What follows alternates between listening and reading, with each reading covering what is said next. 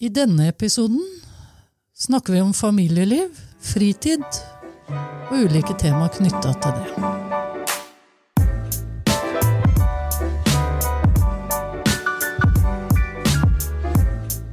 Det her med forholdet mellom personalet, familien og personen sjøl. Det kan jo noen ganger være en utfordring, eh, Camilla. Og jeg, jeg har jo sjøl jobba som leder i bolig, og jobba som leder for personalet. Og jeg må jo innrømme det har vært noen situasjoner hvor jeg opplever at, eh, at pårørende kanskje har utfordra personalet på eh, hvilket nivå eller hva, hva man skal gi hjelp til, eller hvordan man skal gi hjelp.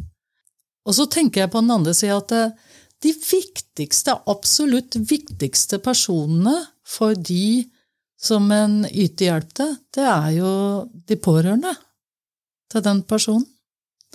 Har du vært borti noen sånne utfordringer, Camilla, ved forholdet mellom personalet eh, og eh, pårørende og ja, personen sjøl, da?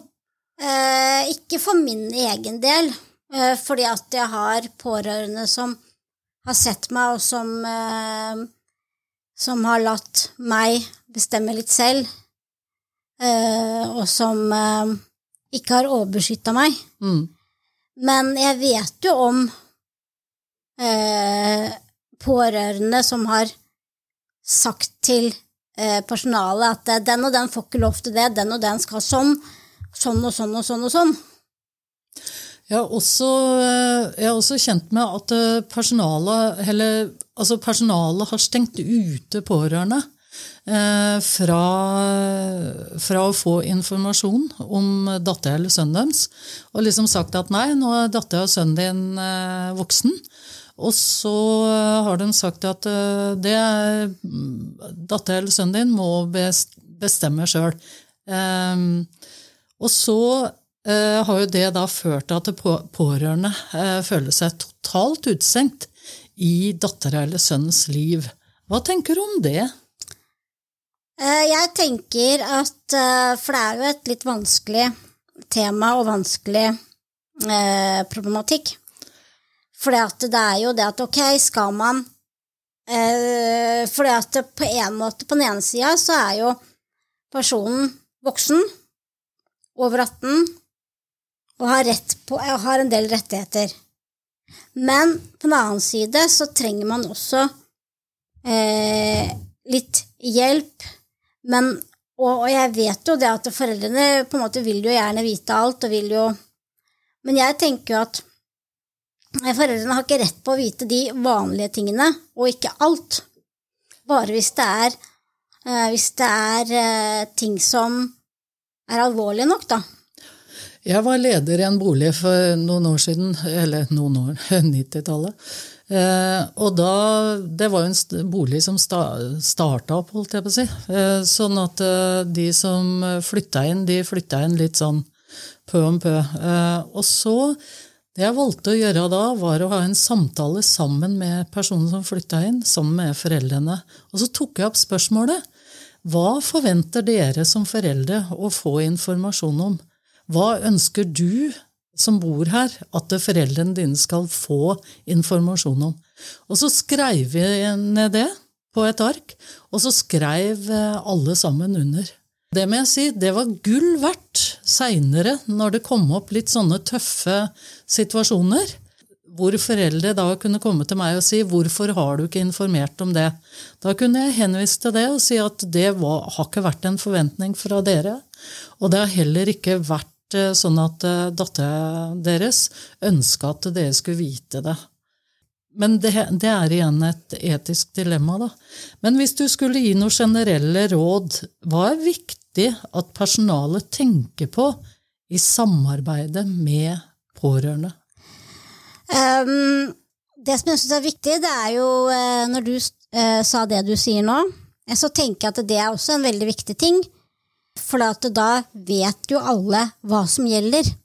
For da er både dat altså, dattera eller sønnen enig i det som, det som sies til foreldrene, for at da, da har man tatt en avtale sammen. At du har avklart forventninger. Ja. Sant? Mm, ja, eh, sant. Det å skulle klare mest mulig sjøl, det er jo altså selvstendighet. Det har jo alltid Jeg tenker eh, Altså tidligere, da, nå snakker vi tilbake på 20-, 30-, 40-, 50-tallet kanskje, så, så blir jo faktisk personer med utviklingshemming sett på som at de aldri kunne bli sjølstendige. Altså ha en sjølstendighet. Og så blomstra det opp da med masse sånne læringsteknikker, og sånn, særlig på 70-tallet, eh, som handla om det å bli mest mulig selvstendig, at en da ble et lykkeligere menneske. Men eh, hvis jeg spør deg det å klare mest mulig sjøl, hvorfor er det så himlans viktig, da? Fordi at eh, man eh, kjenner Altså, søsknene de klarer seg jo sjøl. Kanskje noen venner på en måte bor for seg sjøl og klarer seg sjøl. Men man vil jo gjerne være eh, mest lik alle andre, for man vil jo ikke være for forskjellig fra alle andre. Mm. Jeg veit jeg har spurt deg om det før, og da sa du med en gang så sa du at det handler om selvfølelsen min. Mm. Ja. Det syns jeg var veldig fint sagt. At det, at det å føle at du mestrer, at du kan, det gjør at, eh, at du, føler, du føler godt inni deg, da.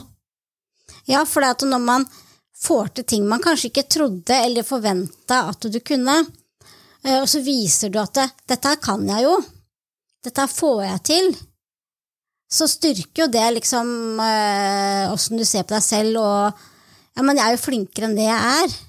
Og da har man kanskje lyst til å prøve mer på ting du ikke har klart tidligere, og så blir man jo mer selvstendig og mer selvtenkende.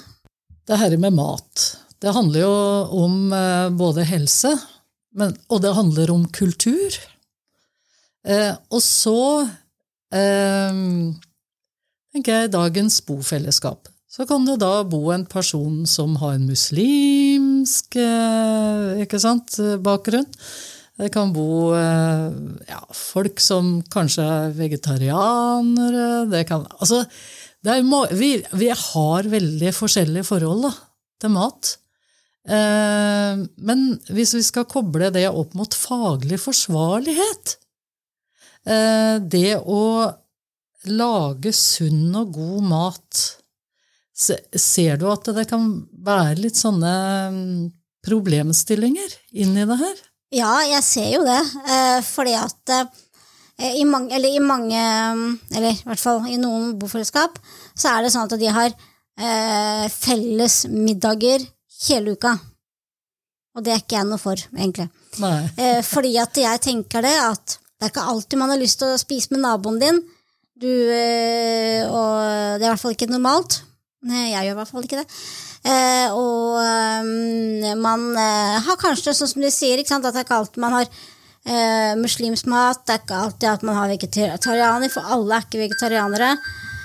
Alle er ikke veganere, alle ikke sant? Mm. Sånn at jeg tenker at hvis man, hvis man tar seg tid til å, å lage mat sammen med, eh, med den personen, da, Ja, så vil man kunne lage, lære seg til å lage den maten man sjøl kan spise og liker å spise. Ja, at man drar i butikken sammen og, Ja. og kjøper ingredienser til det man skal ha Mm. eh, til den type maten eller den maten, og så kan man så lager man maten.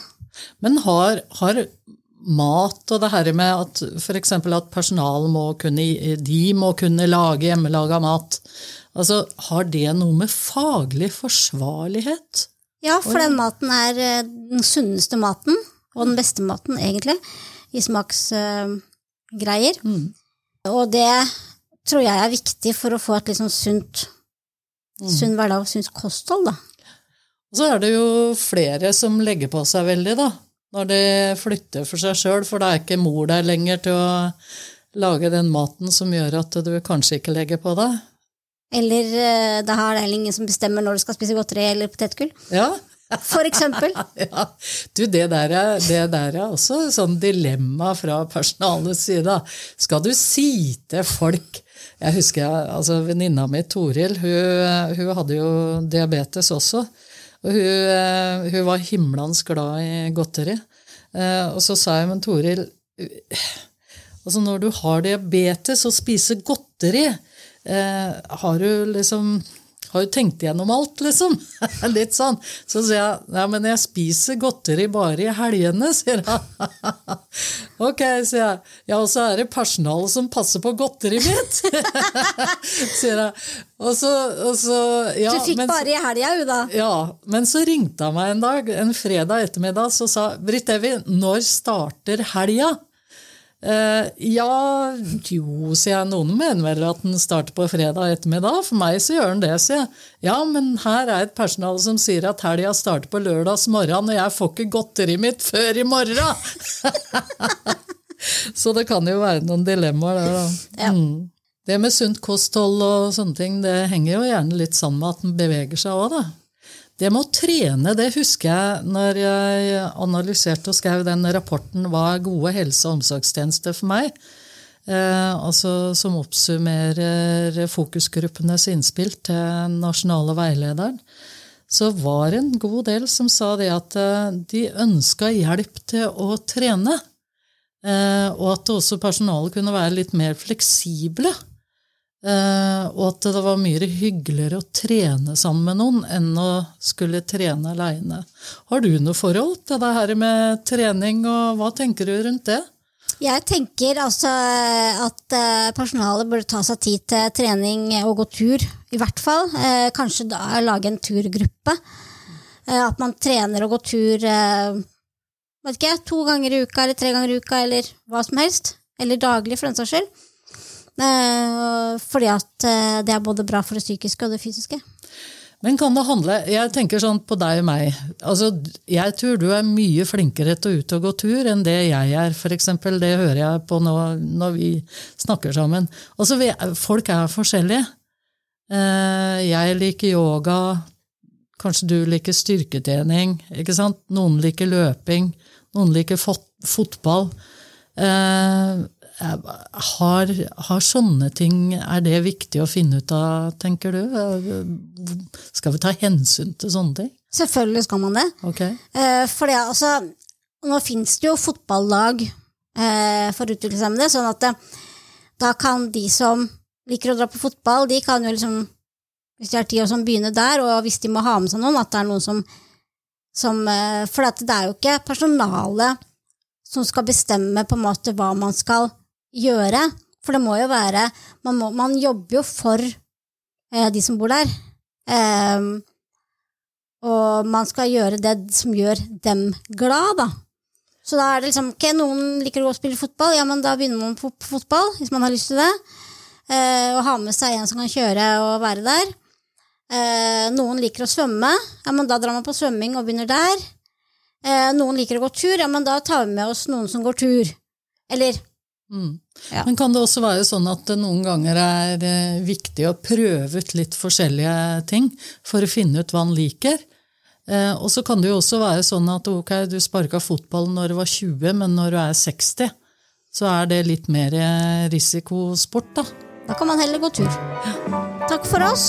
Takk for oss.